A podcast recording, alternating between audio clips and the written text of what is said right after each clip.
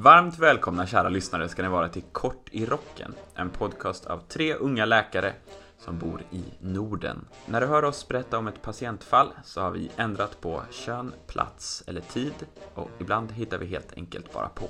Utav respekt för, att, för patientsekretessen och att ingen ska känna sig exponerad. Jag heter Sebastian von Schreeb och jobbar i Danmark, på ett sjukhus i Danmark. Eh, vi har Vincent Hensel som jobbar i södra Sverige och Ludvig som jobbar uppe i norra Sverige.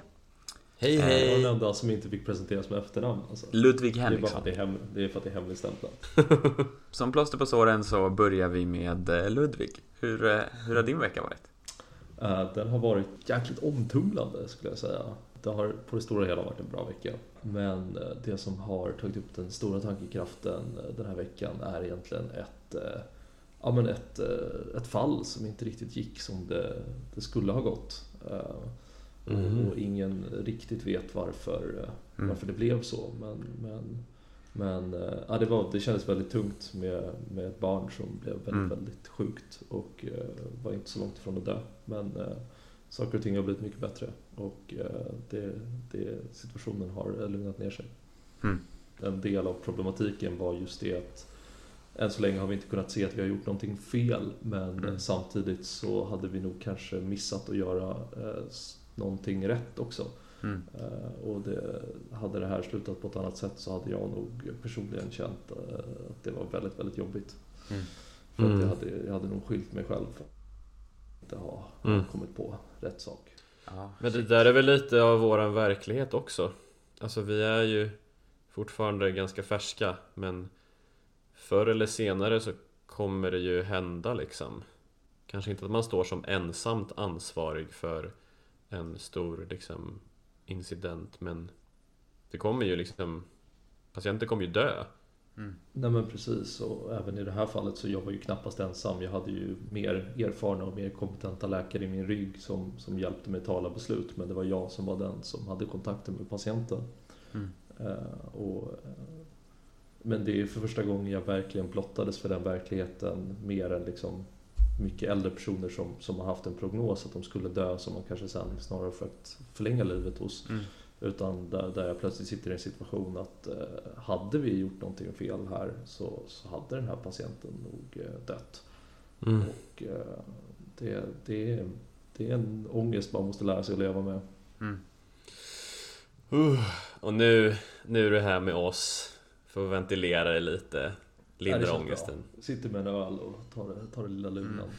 Ja, Vadå så viktigt. båda ni dricker alkohol medan ni poddar? Fan vad oansvarigt Jag tänker att det är en av få liksom, saker som faktiskt blir bättre med ett glas vin. Men då måste jag fan hälla upp, det enda jag har hemma är någon sån här lakritslikör som heter Valhall Så jag får väl, om du kör vinet Sebbe, Mm. så kör du ölen och så kör jag Valhall Det är skitbra. Jag sitter med en och en halv liters flaska Malbec. Okej men eh, fortsätt snacka, jag går och hämtar en litet shotglas bara och mutar min mick Ja. Då, Då har ställer jag vi... väl frågan tillbaka då kanske. Hur är det med dig Sebbe? Ja, ja, så kan vi helt klart göra.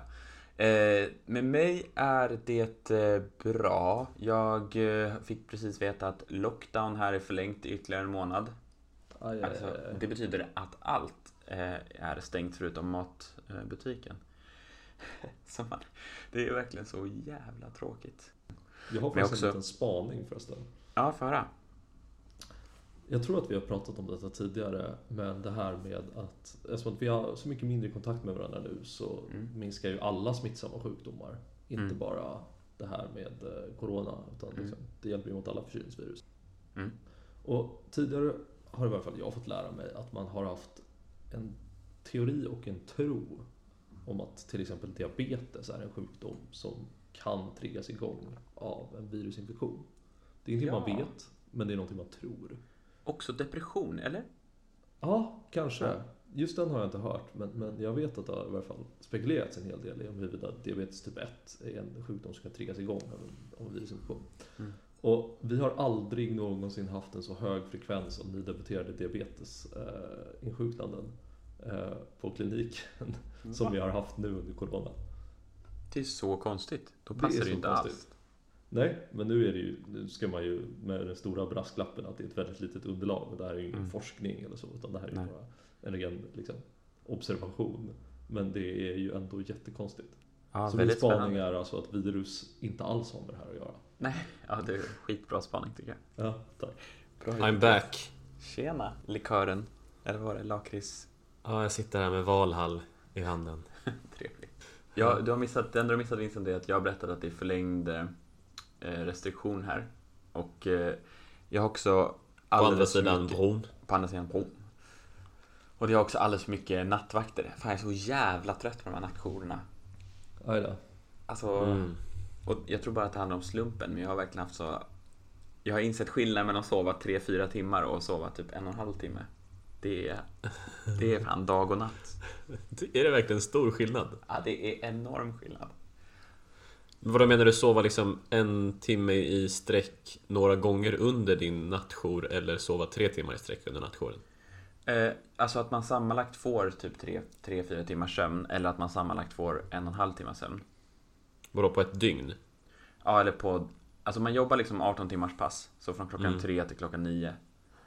Eh, Fan. Fy fan ja, det är ganska hårt.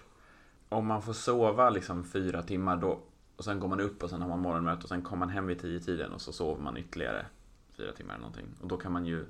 Då kan man, då, alltså då tycker jag att det, då kan man ha en bra dag dagen efter. Men har man så här en och en halv timmes sömn då går det liksom inte riktigt att sova igen. Så man är, Mm. alltså man är det är verkligen som att man är helt sönderkörd och sen kommer de här sista en och en halv timmarna, det var som en knytnävsslag i, i ansiktet. Så Man, I Man är prostata. helt, I prostata. Man är helt grogg i, ett och ett halvt dygn efteråt. Ja, Men jag läste det där om, eh, om det här med sleep debt, alltså sömnskuld. Mm. Och det är liksom en grej, att man kan sova i den. mm, okej. De gjorde, de gjorde typ tester på att alltså, människor som sov 8 timmar per natt genom hela veckan gjorde lika bra så här, psykologiska tester och typ matteuppgifter och whatever Mm. eh, som människor som typ sov 5-6 timmar om natten under veckodagarna och sen sov i kapp under helgen. Mhm. Så så länge man liksom genomsnittet blir typ 7-8 timmar per natt så klarar man sig. Jaha, Jag tror att det är en placeboeffekt faktiskt. det tror jag. Oh. Just det. Men eh, Vincent, vad har du gjort i veckan? Jag har eh, introducerat nya läkare på jobbet. Mm, Och det har varit så jävla roligt. Alltså vi pratade ju innan om hur man typ så här, man växer med ansvaret man får. Mm. Och det är så konstigt att liksom ha, jag har jobbat som läkare i ett halvår. Alltså Mm. för ett halvår sedan så var jag fortfarande student. Och nu har jag redan liksom blivit någon form av konsult. När de här nya läkarna kommer och frågar liksom, hur gör man i de här fallen? Och man bara märker hur jävla mycket man har lärt sig. mm, Det är rätt häftig Och- känsla. På det här då, då så är det en av våra kollegor, de nya eh, kollegorna, Mm. som eh, har pluggat utomlands och jobbat några år utomlands som barnkirurg.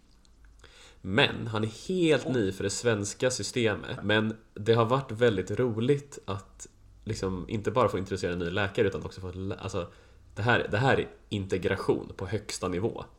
Alltså vi lär honom svenska, vi lär honom liksom eh, Häromdagen så tog vi emot en patient som hade druckit en hel del alkohol Som sa typ så här, ja ah, jag har druckit ett flak vin och, Eller ett flak öl En bag-in-box och en, fla, en, en sjuttis.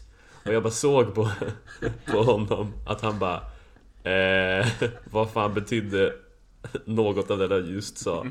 Så jag bara skulle förklara liksom Jag skulle förklara bag-in-box Jag bara Det är liksom en påse med vin i en låda. Så trycker du på en knapp så kommer det ut vin. Och det är tre liter vin i en sån. Och han fattade liksom inte För att killen går, har aldrig gått på systemet. Mm, Och bag-in-box är ju liksom en ganska skandinavisk grej. Mm. Eh, Så att det slutade med att jag fick rita en, en bag-in-box, en sjuttis och ett flak öl Så att han skulle förstå Du borde gå på systemet med honom för att liksom jobba på. Alltså jag tänker om man ska jobba Ja. på en liksom, missbrukarmottagning så känns det ju relevant att veta vad en bag-in-box är. Men det är också en absurd så intervjufråga. Vet du Vadå, vad? mig frågade de ju fan, har du någon missbruk i släkten? Ja, gjorde de det? Ja, Vet du vad en bib är? Men som en uteslutande eller en inkluderande faktor så här, Bra Ja, om du har hur? familjen För att typ så här, då vet du hur du kan vara Eller exkluderande som att så här, du är riskperson Sitter där med alla mina patienter och bara ah, been there alltså. You live and you learn va? Jag har varit på behandlingshem tre omgångar. ja, Been there. Nej och sen så, idag hade vi också en eh, väldigt, eh, väldigt fluktuerande dag. Det hände liksom ingenting mellan klockan åtta och klockan två. Och sen bara BAM kom det sju patienter på akuten samtidigt. Och jag var liksom den som var mest erfaren på plats. Och så hade jag fyra stycken relativt nya kollegor. Eh, och jag bara styrde upp det så himla bra. Och resten av personalen som är erfarna liksom, de, de styrde upp det såklart också. Och vi var... Alltså det här var första gången som jag känt ett så här gemensamt flow. Att det var som att alla var på samma plan. När det gällde liksom vilka patienter vi skulle prioritera, vad vi skulle göra mer om, alla kommunicerade med varandra liksom. Så det var röntgen dit, extra läkemedel dit, liksom ta emot samtal från de här patienterna och så ringer en anhörig. Alltså det var, det var jonglering. Mm. Alltså Sebbe Mm. Jag tror vi måste införa någon form av eh, poängsystem för Vincents olika hjälteinsatser på jobbet. Ena dagen är det att liksom slå ner alla hierarkier. Eller lära sig hur man stoppar in rätt i diskmaskinen. Och andra dagar så är det bara liksom lösa allt på akuten. Var, var spindeln i nätet bland de nya. Men vad får jag för poäng för den här då? Jag, jag ratear ditt skryt eh, på en... Ja, men jag tyckte den här var det, var... det var mycket leverans i förhållande till skryt. Så jag, jag säger att du får en eh, fyra på en 10-gradig skala. Alltså lite skryt. Oj, det var ju... Ja, Jaha, så lite skryt. lite skryt i förhållande till leverans, vilket är bra. Okej, Så man så det är en poäng. skrytskala? Ja, det är en skrytskala. Aha, okej. Okej hörni. Vill ni höra om eh, dagens avsnitt? Vad det ska handla om? Ja, berätta om dagens avsnitt. Ja. Dagens avsnitt handlar... Jag har verkligen djupdykt eh, i det här området och tycker att det är superspännande. Eh, det vi ska prata om är placebo. Eh, Mm. Och eh, ja, det blir också lite en sån trestegsraket. Först pratar vi om vad det är, alltså vad man tänker när man hör det. Sen pratar vi lite om historien, alltså hur det kom till. Mm. Och så pratar vi lite om vad är placeboforskningen idag? Och sen tänker jag att Coolt. vi försöker liksom, eh, ja, tänka hur, ja, hur ska vi förstå det här? Så att säga. Jag är astaggad. Mm. Ja, jag med. Det här känns riktigt kul. Men eh, jag häller upp lite mer Malbec här och sen eh, Mm. kör vi igång. Let's go! Jag har redan sänkt min valhall. Bra. Jag är sett. Okej, men eh, vi börjar från början med placebo. Eh, vad, vad tror ni ordet kommer ifrån? Ooh. Är det en eh, sammansmältning av två eller tre ord? Uh, ni kan mer tänka så här, uh, om ni har läst spanska eller franska kanske, eller fast också engelska, vad, vilket, vad kommer det för det- stam liksom? Vad kommer ordstammen? Vad är det för ordstam? Jag vet inte varför det här är kanske helt fel, men det känns som placebo så tänker jag på att placera, så att du har placerat en mening i någonting. Vet- det I spanska säger man så här, om man träffar någon ehm, och så säger man så här, efteråt, så trevligt att träffas, så säger man så un placer. Aha, alltså som i... Eh, alltså a pleasure. Exakt! Ah, Okej. snyggt. Vänta, så pleasure bow. Placebo. Var kommer bow ifrån? Mm, ja, men det kommer från eh, placere, som är ett gammalt latinskt ord. Det handlar Mm. helt enkelt om att någonting som har- mer att göra med att tillfredsställa än, Mm. än effekten. Något som då ska tillfredsställa patienten. Så placebo är latin för jag tillfredsställer. Mm. Eller tillfredsställande kanske. Ja, precis. Mm, men det är i alla fall den eh, gamla definitionen. Men placebo som vi känner det idag, det kommer från en herre som heter Henry. Placebo. Ja, han är Henry Placebo. 1955. Vad, te- vad Men tänker då har du? han bara ett, ett förnamn? Heter han bara Henry? Han heter bara Henry. Okej, McLovin. Ja. Vad var det Henry upptäckte? Vad är placebo? Folk blev bättre utan att göra någonting. Eller att eh, man kunde ge folk piller med socker i och så blev de bra ändå. Precis. Så Henry, Henry satt och kollade på sina studier 1955 då, 1954 kanske. Mm. Och kliade sig i huvudet och tänkte jävlar hörni. Här ger jag liksom hjärtmedicin eller blodtrycksmediciner till, till några patienter och några patienter fick bara de här sockerpillerna. Det blev, men, men liksom, det blev en enorm effekt också för de som bara fick sockerpiller. Det måste vara någonting i görningen här. Mm. Eh, och det som, det som var i görningen kallade han för the placebo effect. Mm. Och det var det som hans studie hette också. Mm. Och den här studien blev enorm. Alltså Mm. det, placebo har blivit en enorm sak och alla, alla idag känner väl till vad placebo är. Det finns ju till och med ett band som heter det. Ja, då Ska du slänga in en snabb förklaring Sebbe?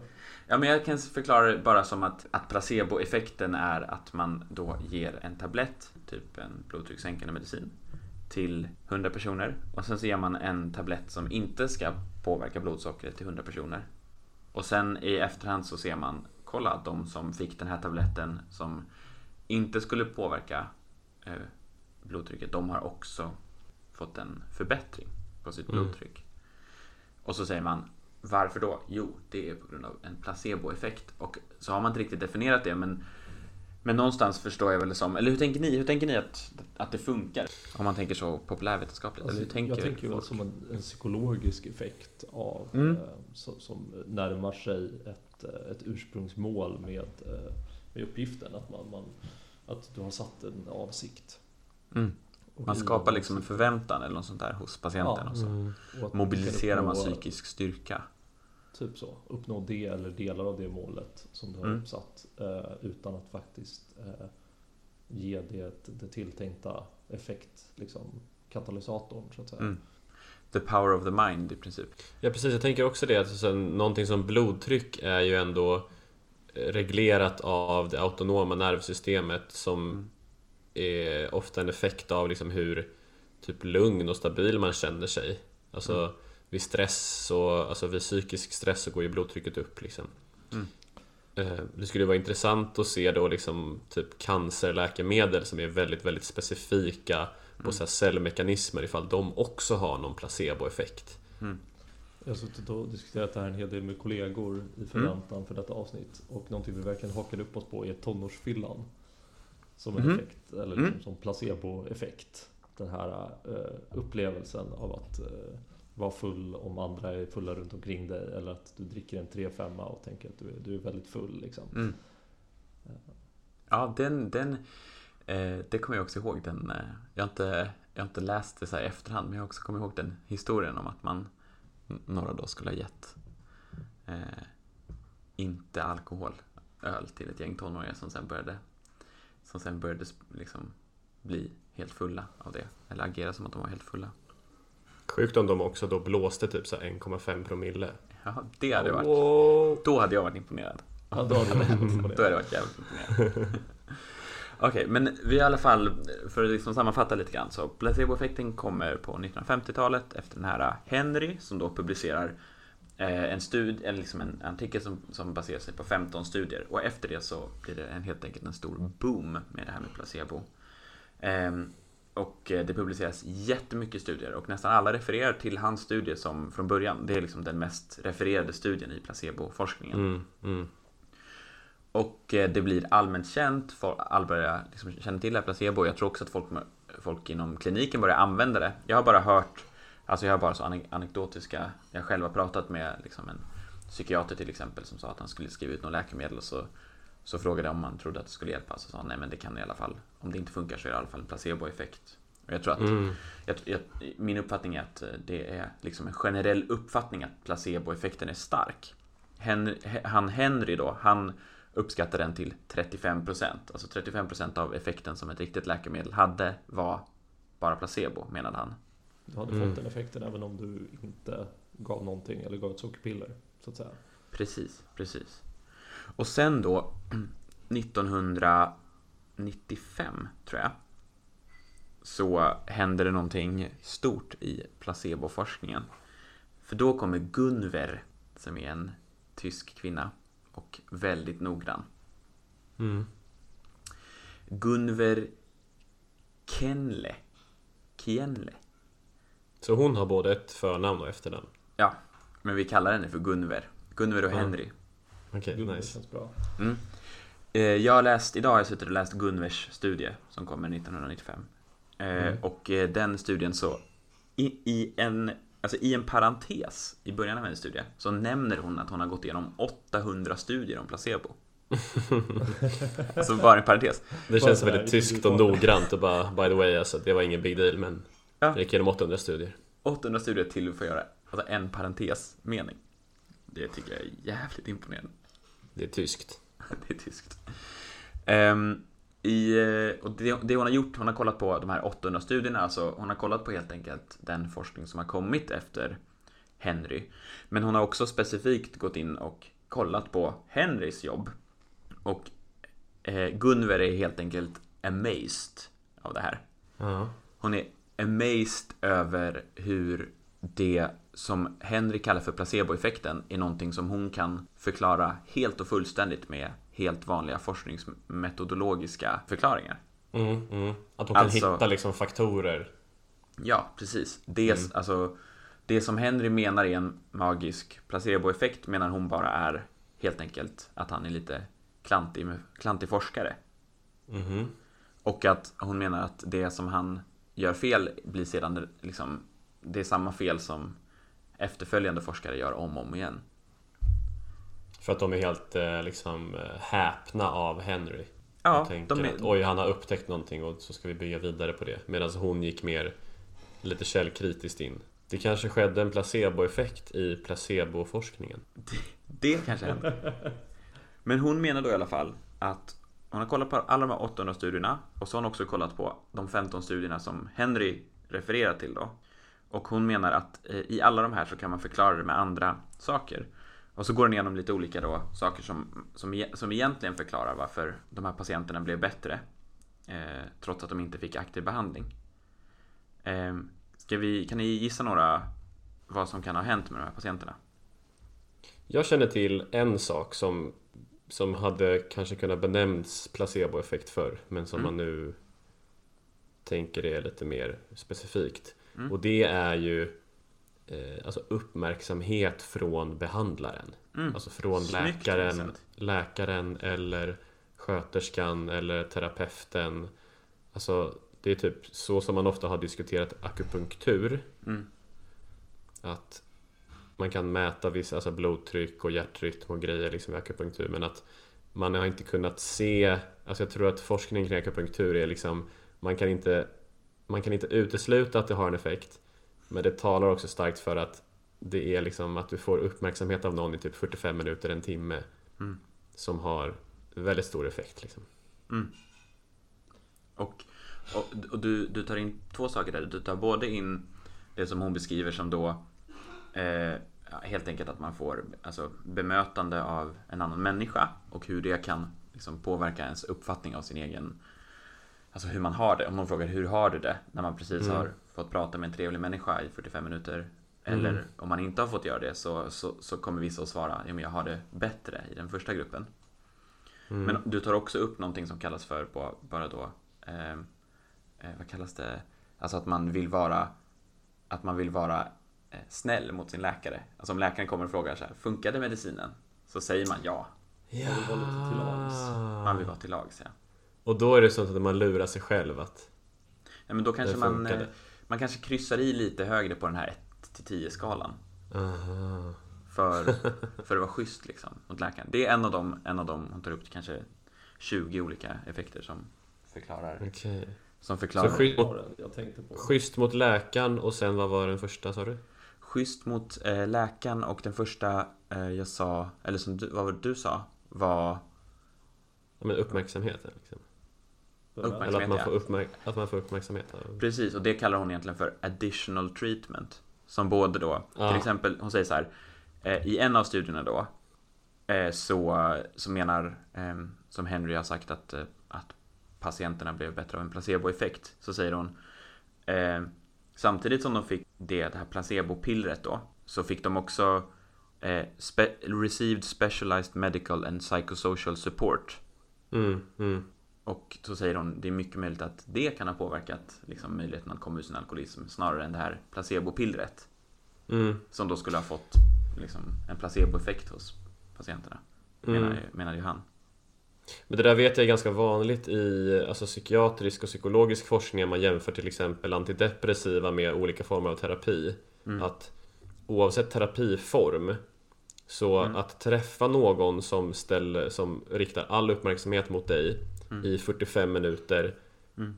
några gånger i månaden under tiden som forskningen pågår jämfört Mm. med att få ett piller som är utan ansikte eller känslor Alltså det finns ju en uppenbar skillnad där i att liksom du får lite medmänsklighet Ja, Då blir det svårt att jämföra Mm.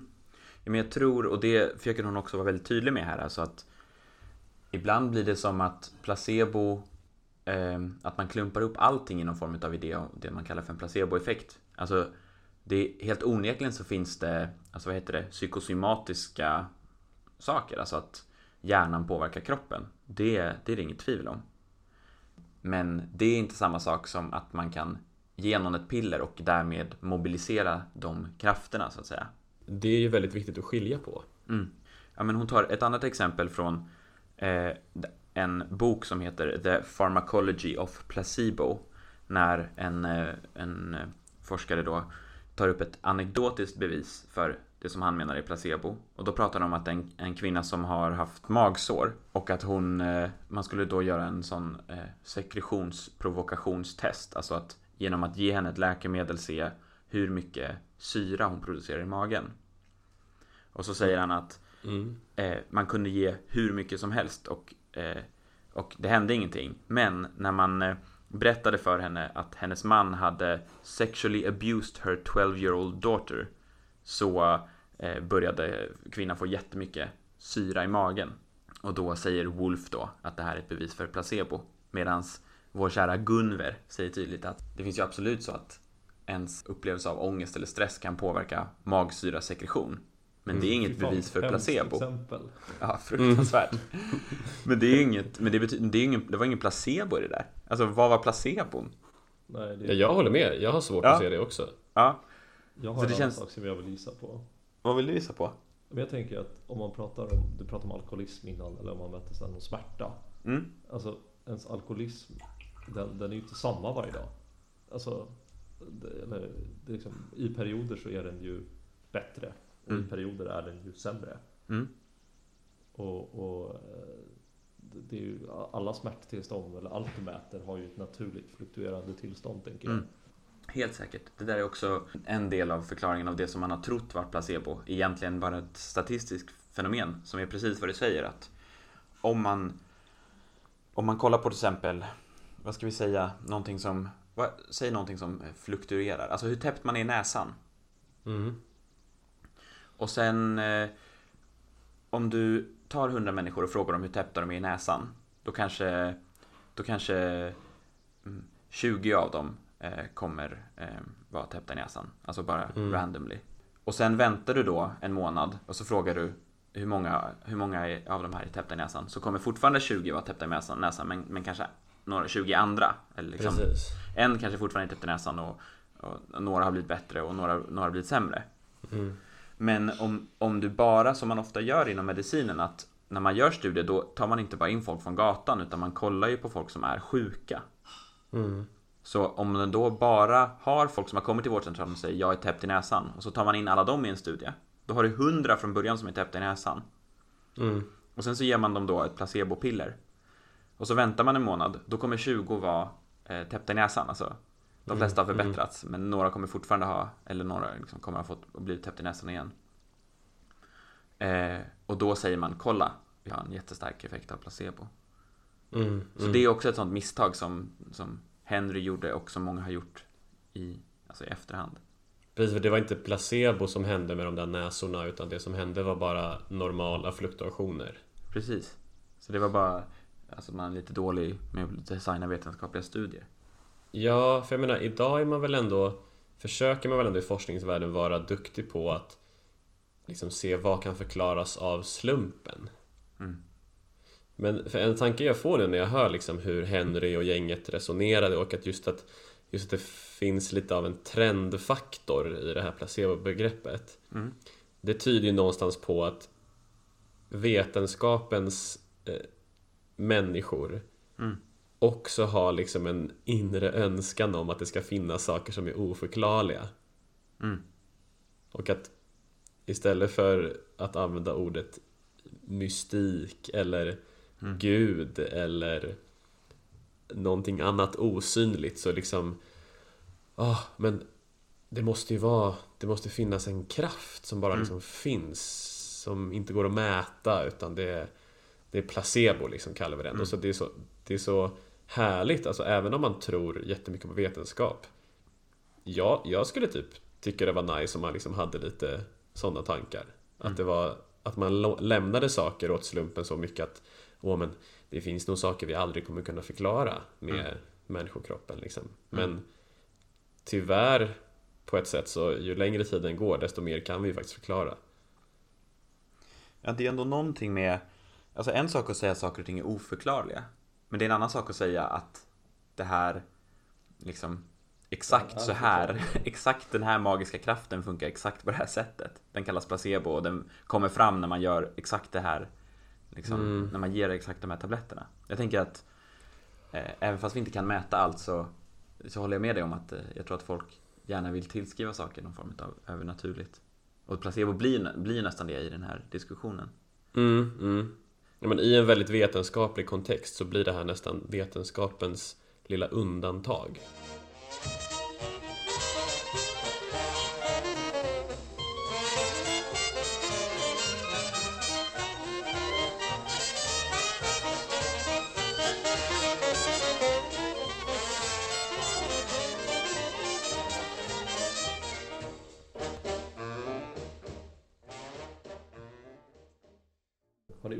Placeboeffekt då? Eller något som skulle kunna kallas en placeboeffekt? Ja, jag har faktiskt en egen eh, placeboeffekt. Tror jag i alla fall. Ni, ni får, ni får, jag är inte får säker på om, jag, om man kan ha det här eller inte. Men jag menar att, okej det här är i sig inte heller en placeboeffekt. Men jag menar att jag kan känna strålning. Oj, oj, oj, oj, oj. Från vad då röntgenapparater då eller? Ja, Är du elallergiker? alltså jag tror att, ja, jag kanske är elallergiker. Okej, men det var, ju, det var ju faktiskt verkligen, det här var återigen väldigt dålig forskning, det här var ju verkligen en placeboeffekt. Men jag, jag var nämligen på eh, operationsrummet idag och så hade vi röntgenapparat. Och jag, när den här lampan lyser, då känns det annorlunda. Så jag tror att jag känner röntgenstrålar. Är det före eller efter du ser lampan? Det är väl exakt efter då. det är som Pavlovs hund liksom. Ja. När lampan blinkar till och du bara ah. Du, du tror inte att det kan vara så att du, för jag menar de låter ju lite. Att du så här, du hör det här tysta lilla ljudet som, Mm. som brummar i bakgrunden. För det är liksom ett tyst dovt brummande när man trampar Obehagligt. på pedalen och röntgenapparaten går igång. Och då tänker du direkt att fan det är lite obehagligt att stå i samma rum som röntgenstrålarna. Ja. Och sen så känner du den där känslan. mm. Ja, det känns jävligt obehagligt i alla fall. Jag tänker att det där liksom eh, är besläktat med typ så här hypokondri. Typ om man så läser om Jag minns en gång jag satt och läste typ i Metro Det var jättelänge sedan så bara typ så här eh, Skola drabbad av vinterkräksjuka och så började jag må illa liksom Mm. eh, Av att läsa det där Det är ju inte riktigt placebo liksom Nej. Jag jag tror bara att det handlar om att alltså, din kropp skickar signaler till dig precis hela tiden. Ja. Men tack vare väldigt fiffiga mekanismer i hjärnan så filtrerar du ju bort typ 99,9% av det. Mm. Och kan fokusera på liksom ett begränsat antal saker på samma gång. Mm. Säger någon vinterkräksjuka, då, då går liksom kroppens förstoringsglas närmare magsäcken och nerverna där omkring. Alltså jag blir till och med lite illamående av att bara prata om det här. Mm. Men jag har också, jag har också känt ett, jag har haft ett eget exempel av placebo Ja. som var så jävla lustigt för att det här var typ ganska strax efter som jag också läste någonstans Du får gärna rätta mig om det här är fel Sebbe Eh, För du sitter ju på, på, på forskningen liksom Mm. Men jag hörde i alla fall att man hade sett i vissa experiment att placeboeffekten fanns där Även om man visste att det var placebo Mm. Alltså, och det kanske, det kanske bevisar den här poängen ännu mer att Mm. läkarens eller behandlarens uppmärksamhet och att man vill säga att man mår bra till läkaren, liksom att, att den verkligen är en, det är en verklig grej liksom. Det är jättebra fråga du ställer. Och den, eh, jag vill spara den här till slutet. För att den kommer Ja, sammanfatta lite. För att jag tänker vi, vi kommer gå djupare in på också vad är placeboforskningen idag? Mm. Och hur kan man förstå den här forskningen idag? Och då kommer man in på precis det du är inne på där. För det är på Ja. vissa områden som man ändå har sett placeboeffekt och ändå tror att det Ja, finns. ja. Okej, men får, får jag bara berätta lite snabbt Mm. om den jag upplevde själv, för det var så himla tydligt. Mm. Eh, jag, eh, jag har haft en del dippar i mina liv, liksom rent eh, stämningsmässigt. Och eh, när jag har dippar så brukar jag ibland komma in i sånt där Åh, fan det är ingenting som funkar, jag har prövat allting och så börjar man liksom leta på så obskyra sidor och liksom djupdyker i några Reddit-trådar på något så här eh, mattillskottforum och folk Mm. som använder alla möjliga olika kombinationer liksom. Mm. Och där tror jag förekommer otroligt mycket placebo. Men då började jag läsa om A-vitamin. Mm. Och jag drog slutsatsen att jag får inte alls i mig tillräckligt mycket A-vitamin. För morötter måste man äta liksom kilovis av för att få i sig rekommenderat dagligt. Källa, källa Reddit. Källa Reddit, ja. Det måste man Det är äta. också dödligt i för höga doser, men ja. Ja, e- exakt. De här polar, eh, polaräventyrarna som åt isbjörnslever och dog av vitamin A-överdos. Och, men det var just eh, den vägen jag gick. Så jag gick och köpte eh, kycklinglever. Ett halvt kilo kycklinglever. Och så gjorde jag gryta på det som jag åt under två veckors tid. Och då har jag räknat ut att eh, utsöndringen av vitamin A, som är ett fettlösligt, eh, som är en fettlöslig vitamin, Ja, det tar ungefär ett halvår. Så tänkte jag, om jag äter den här kycklinggrytan så behöver jag fylla på igen om sex månader. Det är så smart. Och jag misstänkte ju redan att A-vitamin var inte mitt problem liksom. Mm. Ehm, Men jag åt den där jävla grytan ändå. Den blev ganska god. Jag käkade Mm. med potatismos, gräddsås och lingon. Det var nice. Mm. Och jag mådde så jävla bra Mm. i en veckas tid. Och varje dag under den här veckan så, så bara tänkte, visste jag bara, det här är bara placebo. Mm. Det här liksom, det här är bara placebo. Mm. Det kommer försvinna. Så precis som det här med liksom att vara täppt i näsan så är det som att Ja, den här fluktuationen skulle säkert hänt förr eller senare. Mm. Men frågan är om inte min liksom min, min vilja att tro på det Mm. gjorde att den här fluktuationen skedde lite tidigare. Ja, men jag tänker att så här, har man ångest över någonting så är det, så här, det är alltid bra att handla. Alltså att vara handlingskraftig eller att agera är ju liksom bra ångestlindring överlag. Och även om det här är ett helt arbiträrt skäl som du gör det till, att A-vitamin inte alls har med saken att göra, så är det ju handlingskraftigt. Du har Mm. köpt specifik mat som du tänker kanske hjälper och nu äter du den. Och alltså kommer du ju må bra bara av agerandet. Att så här, jag handlar på min egen känsla av att försöka få mig att må bättre. Och Mm. bara själva aktionen av att göra det kan ju hjälpa dig att må bättre. Ja. Oavsett om det du gör är liksom helt meningslöst eller inte. Ja, och, och det roliga var liksom att oavsett vad det var som gjorde att jag kände sådär Så var det som att jag var medveten om det Jag bara, jag visste att det här var liksom typ fake eller vad man ska säga känns det, bra. det var så konstigt Ja, ja vad kul, vad kul. Vi kommer komma tillbaka till det här. För eh, ni kommer få lite mera djupdykning i hjärnan. Alright Mm. Men eh, för att, för att summera upp innan vi lämnar vår favorit Gunver. Eh, så det Gunver säger helt enkelt är att eh, han Henry, han hade helt fel. Och han, det är, och det som är kanske spännande också, det är någonting med idén om placebo som bara sätter sig på hjärnan hos folk. Alltså alla fattar intuitivt placebo. Alla blir ju helt hooked på det. Hon skriver i slutet på sin studie Henrys The Powerful Placebo, published in 1955, has been a seminal and most influential paper. It is still the most frequently cited placebo reference. This is amazing, as none of the original trials cited by Henry gave grounds to assume the existence of placebo effects. Så hon är amazed med det här. Efteråt så kommer eh, min favoritgrupp Cochrane som är en sån eh, fristående vetenskapsorganisation som jobbar med Kukregn alltså Kukregn. Och Hukring, de kollar på alla tidigare studier som har gjorts och sen så värderar de om de är gjorda på ett bra sätt och alla som är gjorda på ett bra sätt lägger de ihop och sen så gör de en sammanräkning av resultaten och ser vad visar det.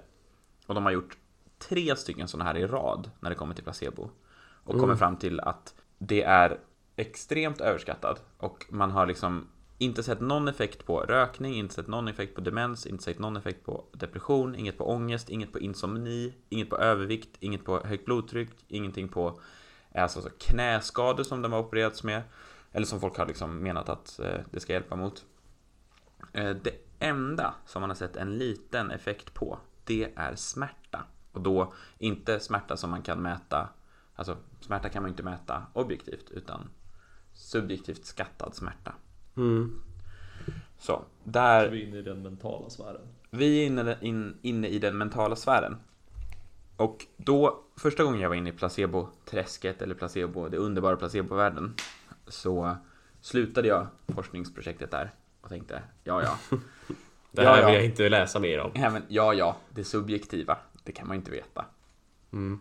Men nu har jag gått ett steg längre och, säga, och sagt, ja men okej, men varför funkar det då på smärta? Och då har jag fallit över en herre som heter Ted. Och han, han eller Ted, Också bara Förnamn. han heter Ted. Det känns så himla så här inofficiellt. Ja, bara så här, så vi pratar om så här spetsforskning så bara Och här har vi Gunnar. Ted. Ehm, och Ted, han jobbar på Harvard. Ja, jag tycker eh, Ted kan... Han, han är lite för kaxig, men han har, kommer med väldigt spännande idéer. Så, Mm. Och jag tänker att vi ska, vi ska gå över till de här idéerna. För Ja. jag, vill, jag vill ta med er på den resan. Yay, let's go! Mm, Let us on the train man. okej.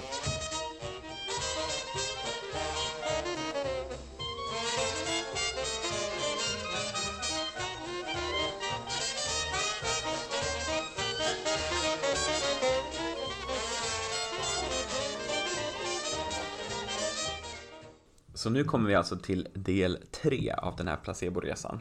Och det är, vad är placeboforskningen idag?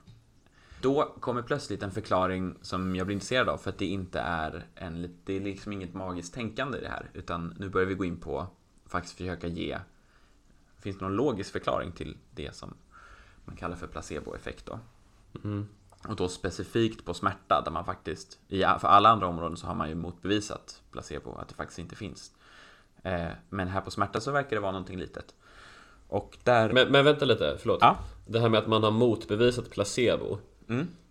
Det, när, man, när man hör det så kan man tänka att aha, det, det bara finns ingenting där. Mm. Men, men det är väl snarare så att man har hittat de faktorerna som det egentligen handlar om. Ja, eller man har väl sagt så här, det som man i de här studierna menade var en placeboeffekt.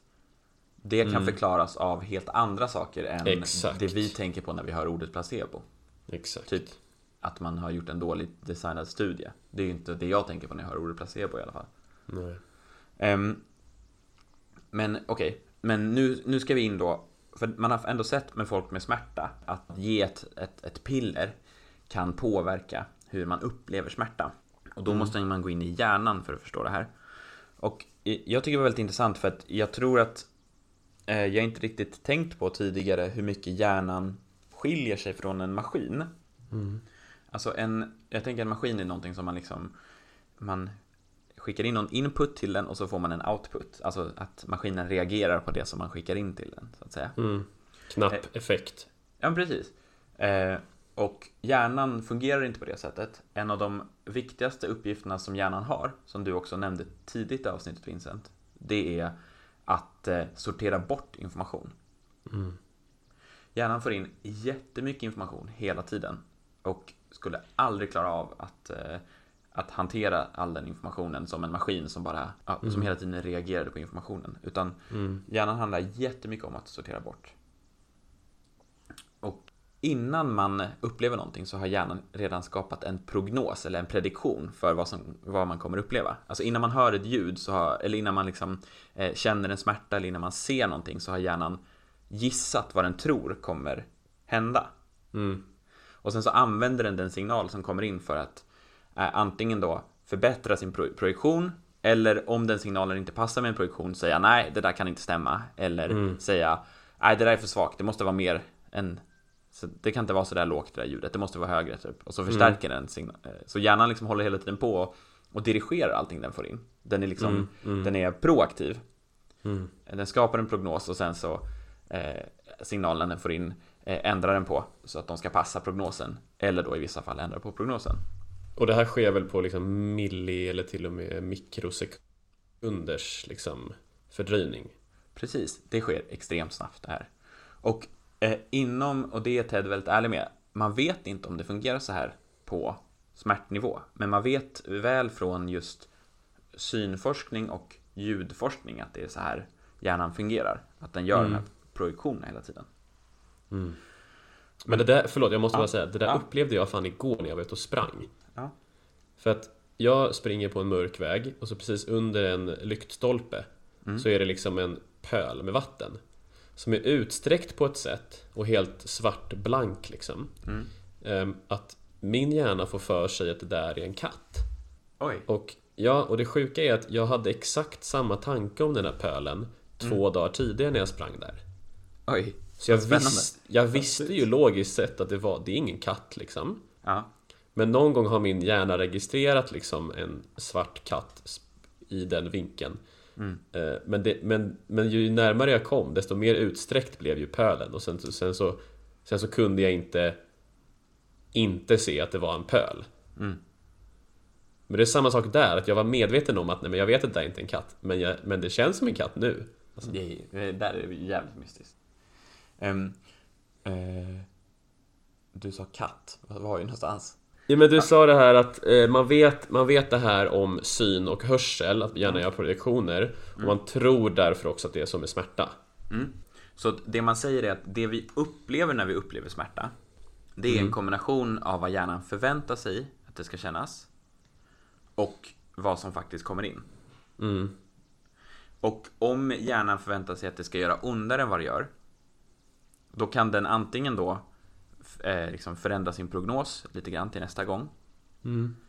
Eller så kan den förstärka den signalen som, som kom in.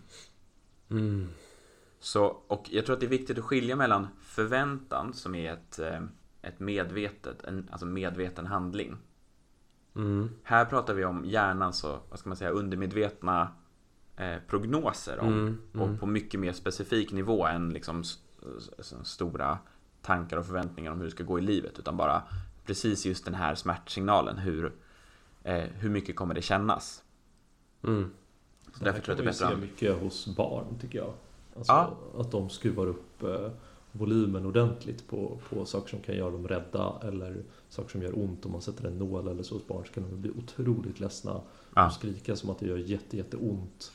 Eh, därför att liksom, de förväntar väl sig, eller de får väl en känsla av att det där borde, det ser Mm. läskigt ut, det borde göra ont. Mm. Ja, men så i just, jag tror i just smärtområdet så, så är upplevelsen av smärta handlar väldigt mycket om hur de här inkommande signalerna tolkas, om de antingen förstärks eller trycks ner så att säga. Mm. Och det som är väldigt intressant då är han menar i, när det kommer till kronisk smärta som är väldigt skild från akut smärta. Jag vet inte om ni har, om ni har stött på kronisk smärta någonting där ni jobbar? Jo då, Absolut. Ja. det är mång- väldigt många kronisk smärtpatienter som tyvärr blir beroende av eh, eh, morfinpreparat. Mm. Och, där, och där är det ju eh, eh, att man kanske tänker att det som har gått fel eller det som, det som är deras sjukdom när man har kronisk smärta är att just den här prognosmekanismen eh, inte fungerar som den ska. Alltså att hjärnan har, gör felaktiga prognoser hela tiden om smärtan. Om man tänker fibromyalgi, en sån sjukdom där, där man tror att eller det känns som att det gör ont överallt för minsta grej. Så man, så man, kan, in, alltså man kan inte mäta att det skulle göra så ont som patienterna upplever det som. Mm. Där, där, där kan man då mena att, en sån här, att det är just prognosen av smärtan som det har gått fel på och att hjärnan inte förändrar sin prognos utan bara håller kvar vid den här. Och, och då känns alla de här signalerna som att det gör jätteont. Det är fruktansvärt. Vi är inne på samma tema igen med det här med att tycka att det gör ont, bli illamående eller eh, att det kliar när de pratar om, om Mm. liksom vägglöss eller någonting. Mm. Att så här, då, då går hjärnan direkt igång i den tolkningen. Liksom. Mm. Får jag flika in med en liten patienthistoria? Mm. Helt klart. Ehm, Det här var på eh, orto- ortopeden Mm. Eh, Och det var en patient som hade just kronisk smärta då, då. Mm. Och han var väldigt, väldigt jobbig Mm.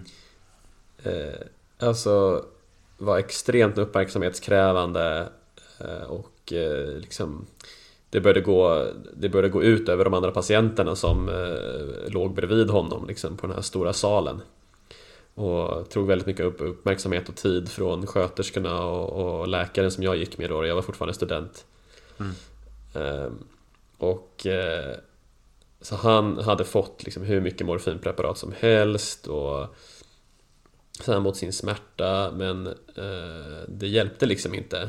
Och så tittade vi då lite längre bak i journalen och det visade sig att det är en patient som har liksom kronisk smärtproblematik och eh, även ett beroende av eh, morfinpreparat. Mm. Och läkaren bara, okej, då går jag över till plan B. Har du någonsin sett hur ketamin fungerar? Mm. så, så här fyller han upp en spruta med ett stort leende på läpparna. Och verkligen, nu ska det bli show. Ja. För att ketamin fungerar liksom som smärtstillande av en helt annan mekanism än liksom allt, ja, men allt från Alvedon till morfin och, och Oxycodon och sånt där. De har ju lite snarlika mekanismer att de liksom dämpar signaler. Ja. Men ketamin är liksom så jävla spejsat för det går liksom in i hjärnan och så eh, liksom man kan tänka att det ökar avståndet mellan olika neuron. Mm. Och det är därför kallas för liksom en dissociativ drog. För att du, du blir liksom bortkopplad från verkligheten. Så vi pratade tidigare om, alla de här signalerna som kroppen skickar till hjärnan hela tiden. Alltså tänk dig att de signalerna kommer in, men de står utanför dörren. Dörren öppnas aldrig Okej. till, till hjärnan liksom.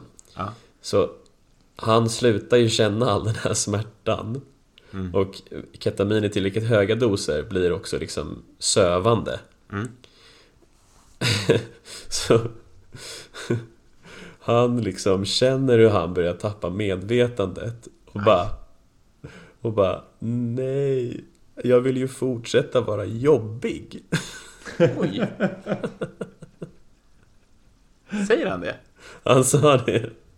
Va? Ja, för grejen är, så det som hände då, det var att ketaminet bröt det här wind-up fenomenet.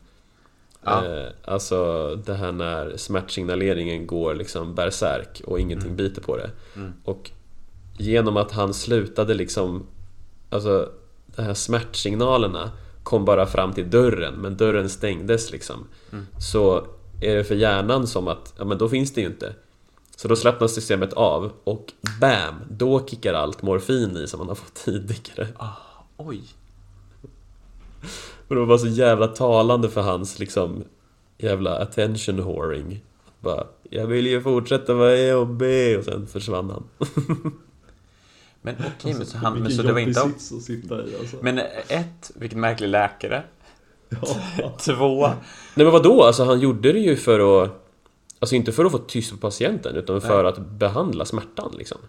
Okej, men det var akut Fan vilken smärtor, panik eller jag hade var... fått om jag sprutade ketamin i en patient och de somnade. Alltså jag var Ja. så, han, kom, han kommer ju sluta andas när som helst. Jo men det var ju förväntat. Okej, det var förväntat. Ja, ja, ja. Ja, okej. Ja, tur. Ja gud ja, det var förväntat. Alltså det här var en supererfaren läkare liksom. Det var inte så att han bara åh jag har något litet som jag skulle vilja pröva här. nej nej, Okej. alltså det här är praxis. Det är liksom jag vet inte, tredje eller fjärde linjens liksom Mm. försvar om det inte går att bryta smärtan liksom. Okej, så det är... Nu när vi inte kan använda placebo längre så kan vi använda oss av ketamin. Funkar endast tillfälligt dock. Ja, okej. Men tillbaks till, till uh, placeboutvecklingen och den, den mentala biten av smärtstimulering. Mm. Okej, vi, vi är på sista, den sista vändan innan vi når Vincent här. Eller Vincents Mhm. eh, fråga innan. Mhm. För om man då, vi var inne på eh, att det placebo gör är att den påverkar prognosen. Så att om man, om man eh, ger ett läkemedel som påverkar eh, eh, hur eh, hjärnan har en prognos om hur ont det kommer göra så kommer hjär- hjärnan tolka de här signalerna som att, som att de är svagare än vad, än vad de är. Eh, Men just när det kommer till kronisk smärta som vi pratade om då har den här, den här eh, tolkningsmekanismen gått lite amok och är, som han beskriver det, eh, det här tycker jag är ett bra citat. Han säger så här. For example, in many chronic pain conditions, the injury has already begun to heal biologically, but the brain dismisses or interprets healing signals as mere noise and adheres to a, a hypothesis of ongoing pain. Alltså att hjärnan får signalerna från såret som egentligen då är minskande och att såret håller på, såret håller på att hela. Men, men istället för att då börja uppfatta det som att det gör mindre ont så har hjärnan löpt eh, amok på något sätt i den här tolkningsmekanismen och eh, börjar helt enkelt sortera bort de här signalerna som att det bara var noise. Som vi pratade om i början, att det är det som är hjärnans viktigaste uppgift, att bara sortera bort information. Mm. Så den börjar sortera bort och, och, och tänker att nej men så här kan inte stämma utan det måste faktiskt göra ont. Och så håller den kvar vid den liksom prognosen. Okej. Och, och då så pratar man om, okej men hur kan man behandla det här då? Eh, och då pratar man om att det finns två sätt att antingen så kan man då, det, det logiska skulle ju vara att helt enkelt behandla den här prognosen och säga så här, alltså att få prognosen att bli mer specifik. Alltså att få prognosen bli mer exakt, alltså på en skala 1 till, 1 till 10 hur ont det gör. Om, om prognosen tror att det ska göra ont 8 men signalerna som kommer in säger liksom 4 så landar det på 6. Eller, Mm. eller, men om man, om man får prognosen att, att tro liksom 6 och så kommer det in på 4 så blir det 5.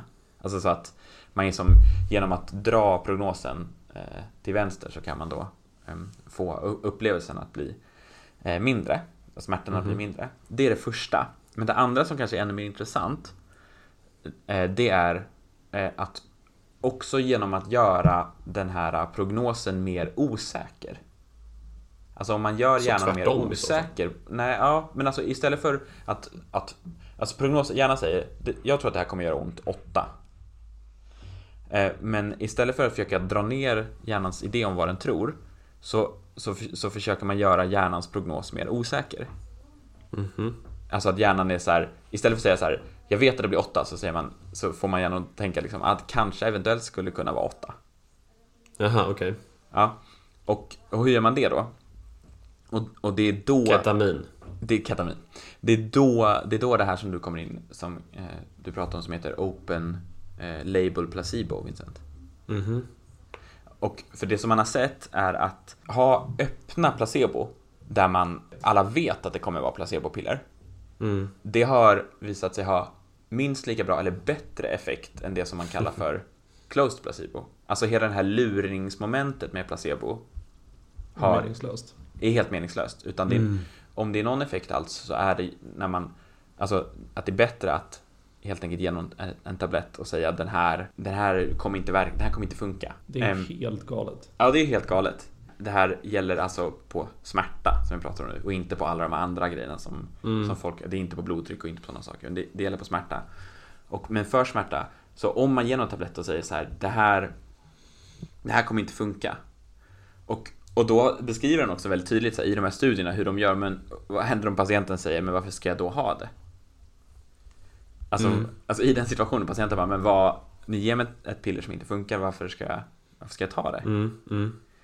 Ehm, Då blir det helt enkelt eh, de testledarna instruerade att de ska liksom uttrycka sin egen sitt egna tvivel kring den här tabletten och vara så nej, Mhm. att, ja, det är jag faktiskt inte helt säker på heller varför du ska ta den. Eller liksom Mm. att man säger typ så, nej det, det vet vi inte riktigt men let's try. Mm. Så man skapar liksom en form av osäkerhet i det hela. Okej, shit. men vadå så till skillnad från om då, om då behandlarna sa Det här är ett sockerpiller men vi tror fett mycket på det Istället för att säga, alltså i det första så skulle de säga då eh, Det här är ett piller som kommer få din smärta att bli mindre. Ja, Och sen så, men det, har, det, är bara, det, är bara, det är bara ett sockerpiller. ja Men i den här andra open label då säger de det här är bara ett sockerpiller. Det borde inte ha någon effekt alls. Men let's try. Och det är det som att och det patienternas har fått liksom... bättre effekt. Och det är som att patienternas psykologi då vill vara lite obstinat och bara jo, jag ska visst minsann visa dig. Det ska Så börjar patienten liksom undersöka, får det här någon effekt? Och, och den förvirringen i hjärnan då på något sätt hjälper till att, eh, eller teoretiskt hjälper till att reglera det här. Ja, teorin är helt enkelt att man, ger, att man inducerar en form av osäkerhet i hjärnans egen prognos av vad som kommer hända. Och då kan den, men det låter ju samtidigt som att den osäkerheten hamnar 50-50 på ett bra eller dåligt resultat typ. Ehm, ja, men om man tänker att de här patienterna som man försöker behandla har kronisk smärta så är ju deras problem att deras hjärna tror 8 på en signal som egentligen är 4. Så man Ja, så försöker det finns större marginal neråt då eller? Ja, eller liksom om man kan få den här åttan att bli svagare så kommer den riktiga signalen 4 att få mer gehör i den, i den slutgiltiga tolkningen liksom, av signalen. Oj. Men jag tycker det här kommer tillbaka lite till din första upplevelse där Vincent. Jag vet inte om jag kan förklara det med placebo, men det är ändå intressant, i alla fall när det kommer till smärta, att Med A-vitaminet? ja, A-vitaminer, då var det i på depression och det har man i inte sett någon effekt på. Nej. Men, Så vad var det då? men, nej men, så det kanske, det kan vi, kanske vi kan förklara med alla de här andra förklaringarna som vi har haft Ja, längs med det. vägen. Men, men när det kommer till smärta då och möjligtvis illamående och också möjligtvis det de kallas för stressinducerad sömnbrist, Mm. som då är en väldigt specifik del av sömnbrist, så menar man att genom att ta ett piller och även fast man vet att det här inte kommer funka, så skulle Mm. det då kunna ha en effekt på att, att hjärnan inte är lika säker på sin sak. Mm. Och då helt enkelt, man kan säga så att hjärnan blir mer, gud det här blir så, att jag återigen flumtolkar någonting väldigt vetenskapligt, men att man säger att hjärnan, att hjärnan blir mer öppen för signalerna. Mm. Jag tycker det finns paralleller mellan det här och typ terapi. Mm. För att alltså, långtidsterapi bygger ju ofta på liksom att ifrågasätta väldigt gamla och väldigt, väldigt inbitna typ övertygelser som man knappt vet liksom ja, men hur skulle det vara att inte ha de här övertygelserna liksom. Men att du först måste kanske göra dig själv osäker kring dem för att kunna ta in alternativen. Man har väl också sett att eh, terapi, vissa typer av terapi är en bra behandling mot kronisk smärta. Ja, ja, visst. Alltså det går ju att, det går ju att leva med smärta liksom. Om du sådär nu efter det här på sån här liksom elevator pitch stil skulle försöka summera då vad den, den mer vetenskapliga eh, moderna varianten av eh, placeboeffekten är. Hur skulle det låta? Ja men eh, det skulle nog börja lite grann liknande som, eh, som Ted sa då. Alltså placebo eh, kan inte bota dig. Placebo kan inte lösa några eh, medicinska problem i kroppen. Men genom att påverka vad hjärnan tror känns så kan man få det att kännas bättre. Snyggt. Och det här, men, men, men är det då fortfarande att det här går att uppnå med piller? Alltså han menar ju det då, men han säger också ganska, han, han också, han har, han, vad ska man säga, argumenterar ganska starkt för att saker som är svårare att mäta men kanske är eh, ännu effektivare är just eh, till exempel hur, hur eh, ett läkarmöte sker, alltså den supporten som man får i ett läkarmöte. Mm. Eh, och, eh, och väldigt mycket av de omständigheterna omkring eh, en behandling kan, liksom, eh, menar han då, hjälpa till att eh, ja, få hjärnan att vara lite mindre tvärsäker på, på sin Mm. sak. Mm. Ehm, men det efter, men där, och, och där kommer ju återigen den här eh, kanske lite mer abstrakta idén in. Eh, alltså att det här kan man inte riktigt mäta, så man kan inte riktigt veta Mm. eh, exakt ehm, om det var när du la, la handen på axeln eller om det var Mm, mm. att du la handen på, på underarmen som gjorde att det blev bättre. Att det kan man liksom inte riktigt veta och mäta. Men Mm. för mig tycker jag i alla fall att det här är någon form av förklaring som inte refererar till magiskt tänkande utan som refererar till ett sätt som vi faktiskt förstår hjärnan på inom alltså, visuell och auditiv forskning och som faktiskt det, det finns någon form av koncept där som ändå, Mm. ska man säga, ger mening, som man säger på danska. Som man kan då börja använda på ett annat område och att det blir som att man tar en vetenskaplig hållning till någonting som vi kanske har förstått lite mer från en lite mer spirituellt perspektiv tidigare. Ja, men det där är också så roligt för att precis som att när man får när man får en, ett nytt sätt, ett nytt perspektiv, det är som du säger att man vill börja använda det på fler områden. Mm. Då tänker jag att placebo har, verkar ju nu ända sedan 1955 Mm. har varit lite av ett så här modeord. Mm. Ett modebegrepp att använda för att det är liksom, ja det är liksom Istället för att vi säger mystik eller liksom oförklarlig kraft så säger vi något lite vetenskapligare som är placebo. Mm. Det, här liksom, det här är vetenskapens version av det oförklarliga och Mm. därför är det lite coolt. Ja. Jag tycker det här var så spännande. Ja, det är faktiskt sjukt spännande. Jag känner att eh, min värld har blivit lite avmystifierad. Och det, det kan vara lite jobbigt faktiskt. Mm. Men samtidigt så kanske det är bra. Vad känner du Ludde? Är han ens kvar eller? Somna. Ludde har typ somnat. Ja. Vi säger tack för idag. Hälsningar från oss tre. Från oss två. Sov, om sovande Ludde. sover.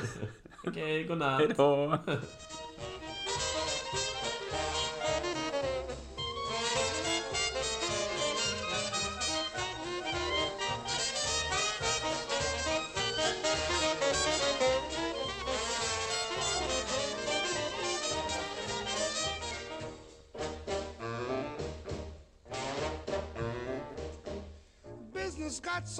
With him, he rode home to say, Send Pasquale, Nick, and Jim, I need help right away.